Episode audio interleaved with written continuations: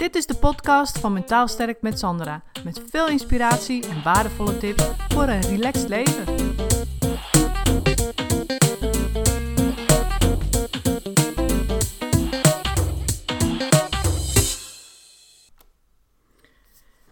En goedemorgen. Uh, vandaag ga ik de vraag beantwoorden: hoe kan ik het beste omgaan met hooggevoeligheid? En als eerste even een hele interessante theorie over hooggevoeligheid. De eerste theorie is eigenlijk van ja, dat heb je. Je bent nou eenmaal wat gevoeliger, je zintuigen zijn iets meer uh, ontwikkeld en uh, je bent wat prikkelgevoeliger, dat soort dingen.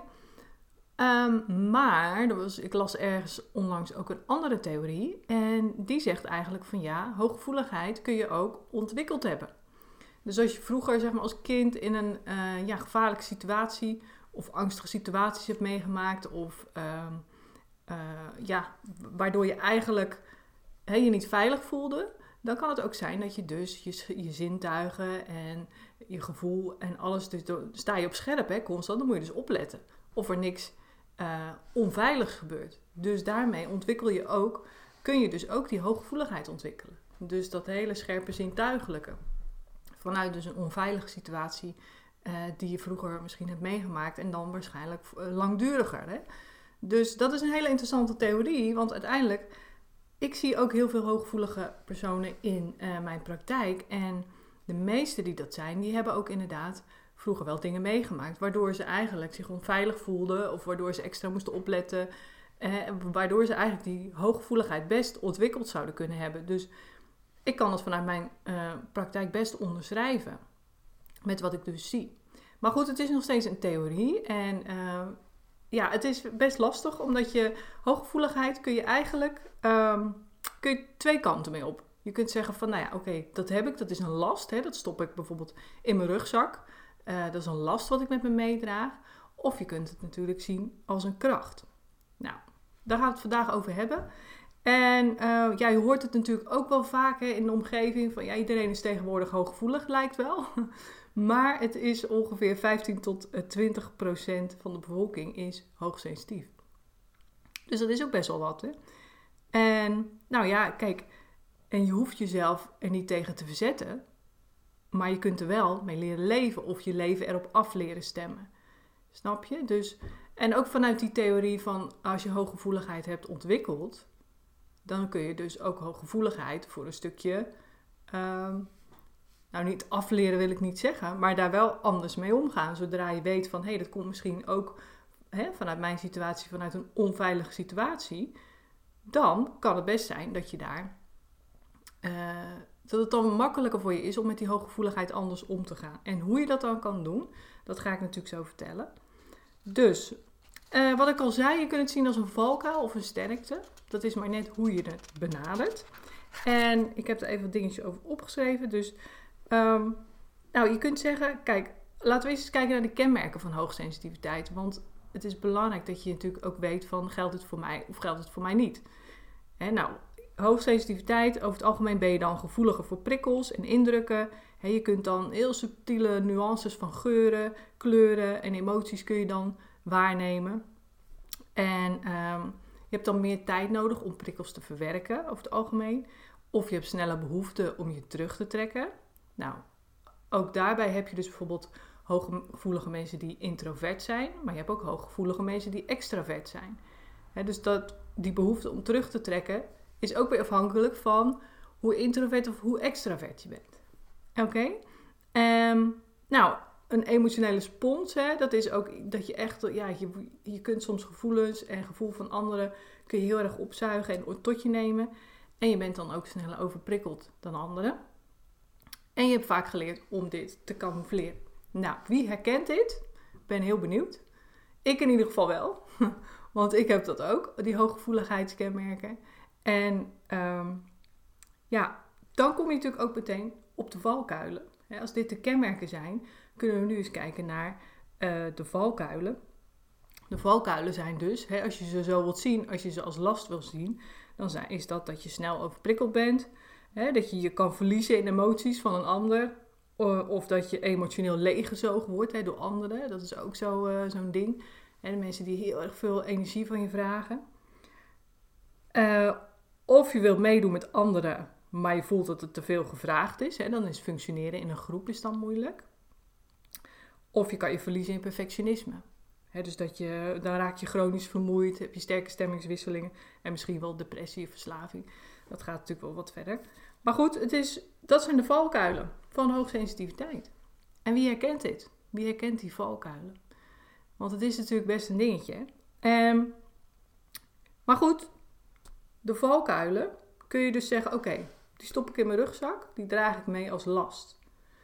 Maar je kan het ook, zo heb ik het in eerste instantie voor mezelf ook geïnterpreteerd. Van, oh ja, weet je, nou dan zit ik daarmee en hè, dat wil ik allemaal niet.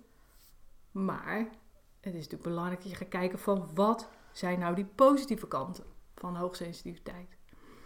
Nou, ik uh, lees even op wat ik heb opgeschreven en uh, toen moest ik even van tevoren over nadenken. en nou ja, dus de positieve kanten is dat je dus, uh, even kijken hoor, je, je hebt over het algemeen, wat ik bij mezelf heel erg herken, heel goed concentratievermogen. Hè? Dus je kan, uh, zonder dat je door anderen afgeleid wordt, kan je helemaal in een soort van flow-ervaring zitten. Ik herken dat zelf heel erg, omdat ik, ik heb wel eens in een kantoortuin gewerkt en uh, dat was heel erg druk om me heen. En er zaten wel, ik geloof wel, wel 30 collega's.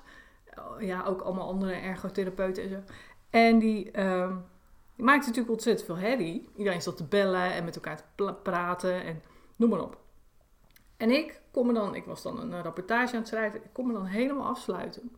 Kon dan echt gewoon helemaal in een soort van flowzone zitten, dat ik, ja, dat ik gewoon al die herrie kon ik, kon ik, kon ik afsluiten. En dat, achter, dat zei toen ook die uh, andere psycholoog, die, ja, die merken dan natuurlijk allemaal dat soort dingen op, dus die zei dat ook van, joh, jij zit zo in die, je kunt je zo afsluiten, je kunt je zo goed concentreren. Toen dacht ik, toen, en toen wist ik dat ook allemaal nog niet. Toen dacht ik, ja, nou ja, hartstikke handig, weet je wel. Maar nu snap ik ook waar het vandaan komt. Dus die herken ik zelf heel erg. Um, je kan dus kleine nuanceverschillen heel goed opmerken. Hè? Dus dat je dan uh, allerlei waarnemingen, kleuren, geuren, sferen. Hè? Dat ken je ook wel als je ergens binnenkomt. Dat je dan meteen voelt van, oh, hier is iets aan de hand. Of hier hangt iets in de lucht. Of hier is het niet veilig. Of hier is het, voelt het niet goed. Weet je wel, dat. Dus ik heb zelf heel veel gereisd en dan was ik echt heel erg in tune met mijn intuïtie. Dan was ik alleen, dus um, ja, dan liep ik met mijn rugzakje op alleen over de wereld, moet je je voorstellen. En ja, dat was natuurlijk best wel soms gevaarlijke landen of gevaarlijke situaties. Dus ik was heel, heel erg in tune met wat er achter me gebeurde.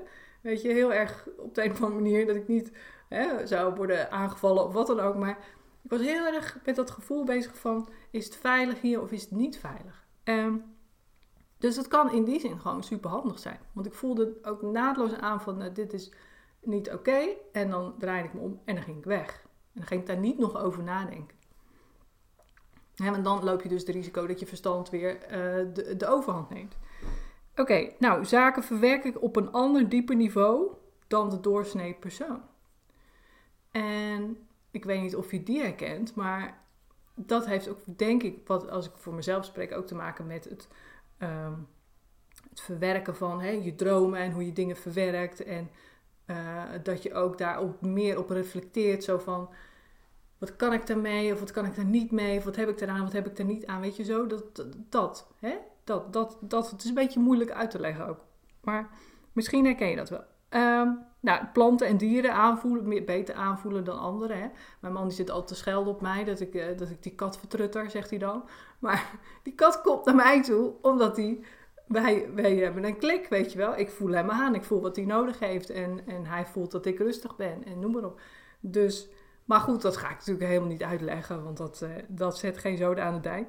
Maar dat is wel een, ook een dingetje. Je voelt gewoon dieren ook wel beter aan. En uh, je kan dieper genieten ook van dingen in de natuur. Um, nou, en vaak nadenken over diepere zin van het leven. Dat doe ik zelf ook heel erg. En ik weet niet of jullie dat ook herkennen, maar um, weet je zo van waar sta ik nu, waar wil ik heen, wat, wat ga ik nog doen? Uh, en dan vooral vanuit die gedachte van uh, wat ik zelf nodig heb om uh, hè, dit leven leuk te leiden. Met inderdaad die krachten die ik nu allemaal opnoem. Hoe kan ik die tot bloei brengen? Wat kan ik nog meer doen? Waardoor ik daar nog meer mee in contact kom. Hè? Met alles wat eigenlijk die kracht van hoogsensitiviteit is. Um, nou, creatief, out of the box denken, hè? dat zijn we dan ook over het algemeen. de meeste hoogsensitieve vrouwen die ik hier krijg, die zijn ook echt super creatief. En uh, ja, dat kan van naaihaken, breien zijn, tot echt gewoon schilderen, gedichten maken. Maar echt, weet je, dat, dat beetje dat, uh, ja, die diepere emotionele beleving over dingen op een creatieve manier naar buiten willen brengen. Dat is ook wat ik heel erg herken, uh, ook aan hooggevoelige vrouwen in mijn praktijk. En uiteraard ook bij mezelf. Nou, brede interesses, hè, dat heb ik ook. Ik vind, alles, vind heel veel dingen onwijs leuk. Dat is ook weer, weer een valkuil, want dat, uh, ja, dan moet je dat ook weer reguleren. Hè? Je kan natuurlijk niet alles. Um, nou, en over het algemeen natuurlijk heel belangrijk is empathisch. Hè? Dat we heel goed anderen aanvoelen, dat we zorgzaam zijn.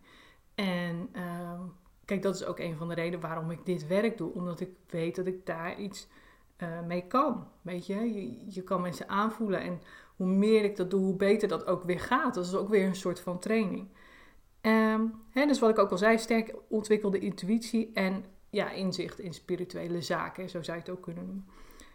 Dus dat zijn eigenlijk de krachten.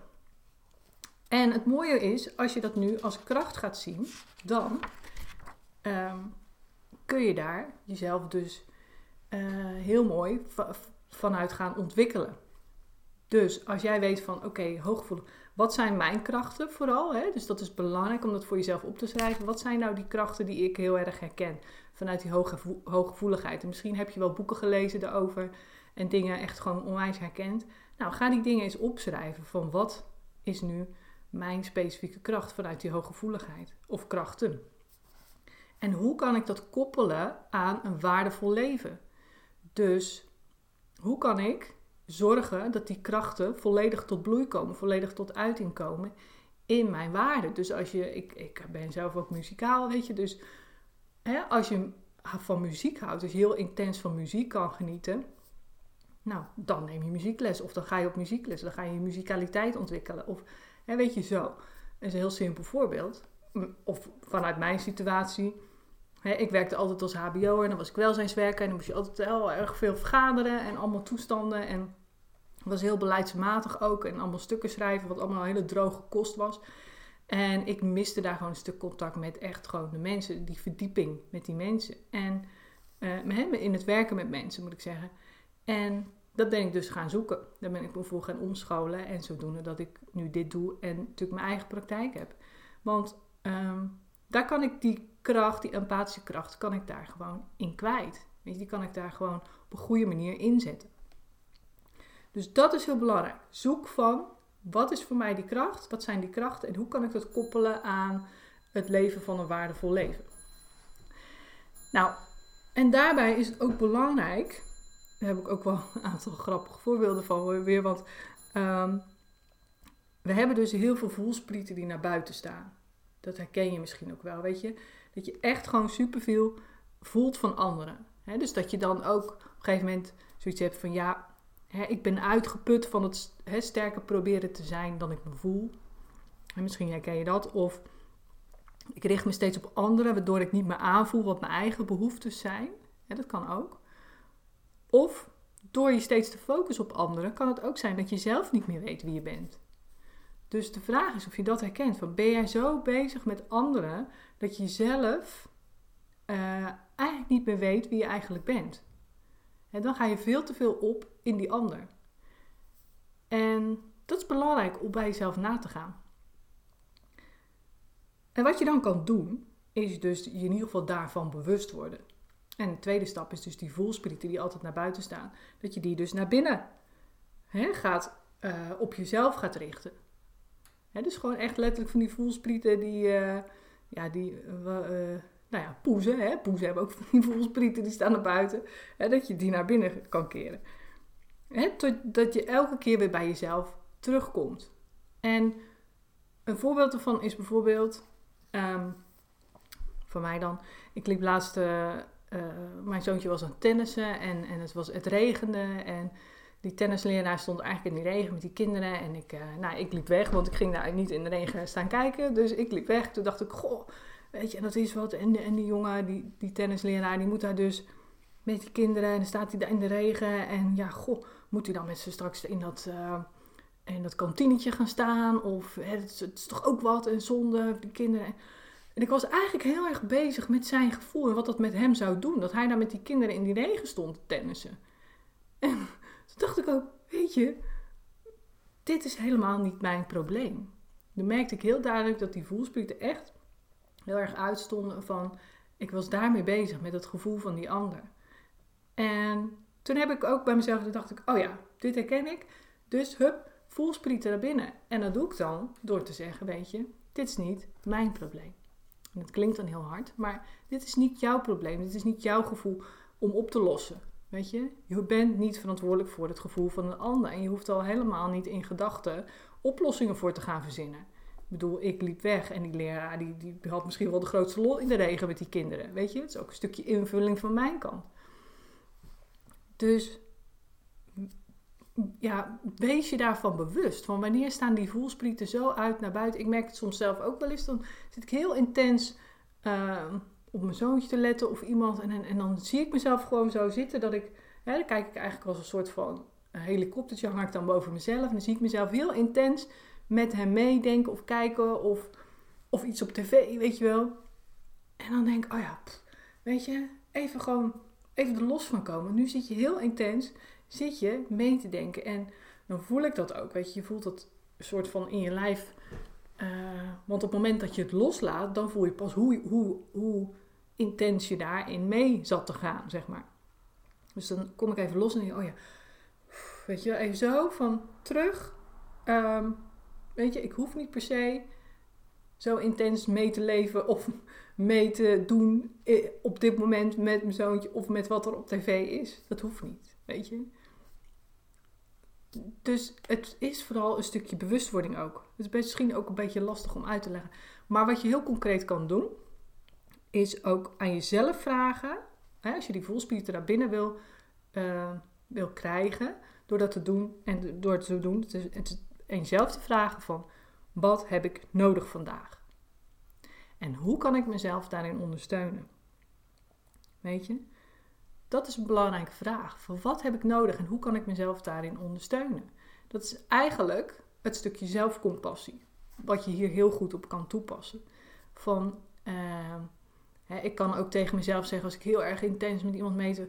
Nou, stel je niet zo aan. Of als ik een film zie, weet je. Ik kan s'avonds ook geen uh, wilde films zien van uh, fantasy of horror of... Ehm, ja, uh, of hele drukke flitsende beelden, dan lig ik gewoon wakker. Of daar heb ik last van. Of dan duurt het langer voordat ik in slaap val. Dus dat doe ik dan ook niet. Weet je? Dus dat is ook iets wat ik dan bij mezelf naga. Van wat heb ik nodig op een avond om gewoon rustig in slaap te kunnen vallen. Dat zijn in ieder geval geen wilde dingen. Geen uitjes, geen idiote films, uh, geen rare boeken, weet je. Uh, allemaal dat soort dingen ik ga ook s'avonds eigenlijk nooit weg. En dan kan je zeggen van, ehm, ja, maar dat is toch een beperking, weet je. Dan voel je voel je dan niet beperkt, dat je nooit s'avonds iets leuks kan gaan doen. Nou, eigenlijk niet. Want ehm, ik weet gewoon als ik vaak, als ik s'avonds dingen doe, bijvoorbeeld naar het theater gaan of naar eh, een concert of het was vroeger al, als ik dan op de brommer zat, was geweest, waren we naar de disco geweest en dan kwam ik thuis en dan had ik het A, ijskoud en dan werd ik maar niet warm. En B, ehm, ik lag gewoon wakker. Weet je, dan ben je al laat thuis en dan was ik om twee uur thuis, noem maar wat, en lag ik tot vier uur wakker. Gewoon van al die indrukken en al die drukte en kon ik niet slapen. En dat was het me gewoon, eerlijk gezegd, niet waard. Zo simpel is het dan ook wel weer. Weet je, ik word gewoon dan gelukkiger van ehm, avondje op de bank rustig film kijken en een, rustig boekje lezen. Dus dat, dat, weet je, dat je dan ook voor jezelf accepteert van hé, hey, dat is oké. Dat je dat, dat dat voor jou het beste werkt. Want we leven in een maatschappij waarin iedereen op Facebook staat van hey, kijk ons eens hè, met z'n tien op een foto en oh, wij zijn het feesten, kijk hoe leuk we het hier hebben. Ja, allemaal hartstikke leuk. Maar misschien is dat niet wat jij nodig hebt dus dat is leuk voor anderen. Hè? Misschien doen ze ook maar alsof en zijn ze daarna ook kapot, zitten ze op de bank en denken ze. Maar het gaat erom wat jij nodig hebt en niet wat je bij anderen ziet. Dus dan, dat is vaak ook de valkuil dat we dan denken van ja, maar anderen doen dat allemaal, dus ja, ik hoor dat ook zo te doen. Nee, weet je, probeer, durf daarin ook gewoon anders te zijn. En dat is gewoon ook oké. Of het is niet anders, maar ehm, gewoon zoals je bent. Dat je bent wie je bent, zoals je bent. En dat je doet wat, je, wat goed voelt voor jezelf. Wat bij jou hoort. Nog een voorbeeld. Um, bijvoorbeeld avondjes uit met hele grote groepen mensen. Dat is ook niet aan mij besteed. dan zit je dus vaak zit je dan verbonden aan, aan, een drie gangen maaltijd, weet je wel. En dan moet je wachten tot al die gangen voorbij zijn. Dan zit je eigenlijk al te veel te eten. En noem maar op. En het duurt dan tot half elf en dan krijg je een keer een toetje. En, nou. en dan weet ik gewoon, als ik daar aan meedoe, dan uh, ben ik, uh, lig ik A, te laat op bed. Want ja, ik, ik, ik, ik ga gewoon om tien uur naar bed. Nou, als ik elf uur, half twaalf, dan is het al te laat. Ben ik overprikkeld en dan slaap ik dus slecht. En dan is de volgende dag is voor mij ook, uh, nou ja, verpest wil ik niet zeggen. Maar dan voel ik me echt wel een stuk minder. En dan kun je zeggen, ja, oké, maar heb je dat dan niet over? Dat hoort toch bij je waarde? En dan denk ik, nee, dat heb ik er niet voor over. Dat hoort niet bij mijn waarde. Wat wel bij mijn waarde hoort, hè, met een hele grote groep uh, collega's of wat dan ook, dat hoort niet bij mijn waarde. Wat wel bij mijn waarde hoort, is dat van die 30 collega's, noem maar wat, hè, of die 30 mensen in een groep, zijn misschien één of twee waar ik een klik mee heb.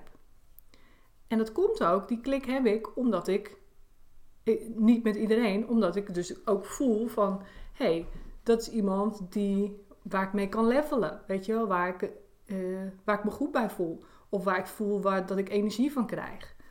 He, zo. Dus je hoeft ook niet met iedereen op te kunnen schieten of een klik te hebben. Dus wat ik dan doe is, ik zeg oké, nou, één of twee mensen uit die groep, daar heb ik een klik mee. Nou, dan ga ik daar dus apart mee afspreken. Ik doe dan niet mee aan zo'n avond, maar dan spreek ik apart met die persoon af. En dan ga ik ook het liefst lunchen, omdat dat voor mij uh, ook qua energieniveau uh, beter is. Want dan kan ik na de lunch kan ik gewoon zeggen: Oké, nou dan kan ik rustig aan doen, nog even een half uurtje of een uurtje. Weet je, kan ik het allemaal even verwerken. En uh, wat ik daarbij ook doe, is dat ik zeg: Oké, als we gaan lunchen, dan maximaal anderhalf uur.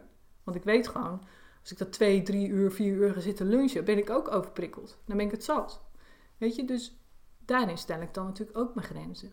Dus op die manier leef ik dan toch steeds nog naar mijn waarden. Doe ik dingen die ik belangrijk vind.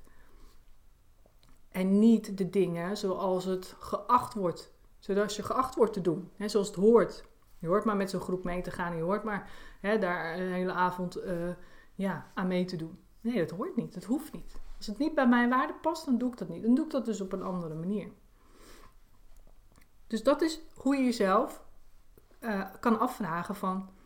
Uh, ja, wat heb ik nodig? En hoe kan ik mezelf hierin ondersteunen? En uiteindelijk komt het dan toch neer op het stukje grenzen bewaken dus. En heel duidelijk keuzes maken die belangrijk zijn voor jou vanuit je waarde. Dus hè, wat ik ook zeg, um, kijk, dit online bedrijf ben ik ook begonnen omdat ik daarin kan schrijven. Ik kan daar met fotografie aan de slag. Ik kan daar hè, met een stukje empathie wat ik hè, heb. Ik, ik kan met zoveel dingen die eh, ik leuk vind en die ook mijn krachten zijn, die kan ik hierin kwijt. En ook natuurlijk in mijn eigen praktijk. Dus daarom doe ik dat. En ik had ook kunnen kiezen om uh, ja, nog in een grote organisatie te werken. Maar ik heb me daar nooit, nooit happy gevoeld. En altijd vanwege al die. Uh, nou ja, ook omdat je daar heel erg vanuit je verstand moet werken. Weet je wel, het zijn allemaal regels en iedereen moet zich daaraan houden. En als dat niet gebeurt, nou, dan is iedereen helemaal over de zeik en moeilijk, moeilijk. En hoop negativiteit. Het wordt allemaal heel verstandelijk benaderd. En dat betekent dus dat ik daar ook niet vanuit mijn gevoel kon werken. En zo is het, zoals ik het voel, zoals het goed is en zoals ik het liefste werk. Weet je dat. En dat is gewoon heel belangrijk. Dat je voor je bij jezelf nagaat van vanuit die krachten van hooggevoeligheid, uh, hoe kan ik die vertalen naar een waardevol leven? Wat heb ik daarvoor nodig? En dat zijn soms best grote beslissingen, maar soms ook niet. Soms zijn het gewoon kleinere beslissingen. Bijvoorbeeld een apart kamertje in huis voor jezelf creëren waar je ja, rustig yoga-oefeningen kan doen, of meditatie misschien wel, of uh, boekjes kan lezen, of even jezelf terug kan trekken als je met gezin of kinderen naar de stad bent geweest, dat je even boven een half uurtje gewoon even tot rust kan komen. In plaats van dat je hè, meteen weer doordendert met het gezinsleven. Dus dat kan ook. Of dat je zegt inderdaad van ja, ik, ik, ik voel altijd muziek, vind ik fantastisch, ik doe er nooit wat mee. Nou, ga er wat mee doen. Op wat voor manier dan ook. Hè, dus dat is de kunst. En ook het stukje grenzen bewaken. Dus wat ik zeg bijvoorbeeld, ik ga maar anderhalf uur uh, lunchen. Ik, ik ga niet s uh, s'avonds weg dingen doen, wilde dingen doen. Hè? Bekijk voor wat jij nodig hebt en wat voor jou werkt. En doe dat op die manier. En laat je daarmee niet beïnvloeden van uh, wat anderen denken. Zoals hè, dat hoe anderen denken dat moet. Of dat anderen je daarin proberen mee te trekken. Van ah, ga toch mee en ja, is leuk een hele dag weg. Of ja, nee, als jij dat niet ziet zitten dan doe je dat niet. Maar het kan ook zijn dat je zegt, nee, maar het zit wel in mijn waarde. En ik heb het ervoor over dat ik dan een dag, um, ja, over, of dat ik overprikkeld thuis kom. Dat kan, hè. Maar ik kies daar zelf niet voor. Omdat ik weet dat die gevolgen van die overprikkeling, die zijn best, voor mij best heftig. En daar kies ik dus niet voor. Weet je, het is allemaal een keuze. Dus ja, het belangrijkste is dus om die voelsprieten naar binnen te trekken, je te realiseren. En je bent niet verantwoordelijk voor het gevoel van anderen. Blijf bij je eigen gevoel. Volg je eigen gevoel, je eigen gevoel, wat je nodig hebt, je intuïtie. Bewaak daarin je grenzen. En koppel vooral die krachten vanuit hooggevoeligheid naar een stukje waardevol leven. Hoe kun je met die krachten je leven zo waardevol mogelijk leiden? Want je hebt zoveel te geven als hooggevoelig, weet je. Het is juist zo mooi. Het, is een mooi, het zijn een heleboel mooie eigenschappen die je hebt. En ook daarin mag je best voor een ander zorgen. Tuurlijk, weet je, daarin mag je ook best die focus op de ander hebben. Ook wat ik doe. Prima, maar probeer daar wel dus je eigen grens te bewaken. Zonder dus jezelf te vergeten of jezelf daarin te verliezen. Uh, als ik hier mensen in de praktijk zie, dan uh, doe ik ook maximaal drie op een dag. En er zit dan een half uur ook tussen. Want dan kan ik even wandelen of kan ik even wat anders doen. Weet je, kan ik het even laten bezinken. En dat werkt voor mij veel beter dan dat ik dat uh, acht uur lang achter elkaar doe zonder pauze. En, en weet je, dan op een gegeven moment, dat trek ik dan niet meer. Weet je, dus op die manier kijk ik ook van, ik help wel anderen, maar ik vergeet daarbij mezelf niet. En dat is natuurlijk belangrijk. Bedankt voor het luisteren. Het is mijn intentie om met deze podcast waardevolle inzichten te delen die je kunt gebruiken voor je eigen leven en die je helpen groeien in je persoonlijke ontwikkeling. Wil je voortaan alle verhalen bij elkaar hebben staan? Abonneer je dan even op Mentaal Sterk met Sandra op iTunes of Stitcher. En ben je enthousiast over mijn verhaal? Dan zou ik het superleuk vinden als je een review achterlaat. Dat kun je doen in iTunes of Stitcher en geef je bij beoordelingen en recensies een korte review. En ben je echt enthousiast? Geef dan 5 sterren. Dat zorgt ervoor dat ik hoger in de ranking kom te staan en nog meer vrouwen kan inspireren tot een relaxter leven. Mijn dank is groot als je dat even voor me wilt doen. Tot de volgende keer bij een nieuwe uitzending.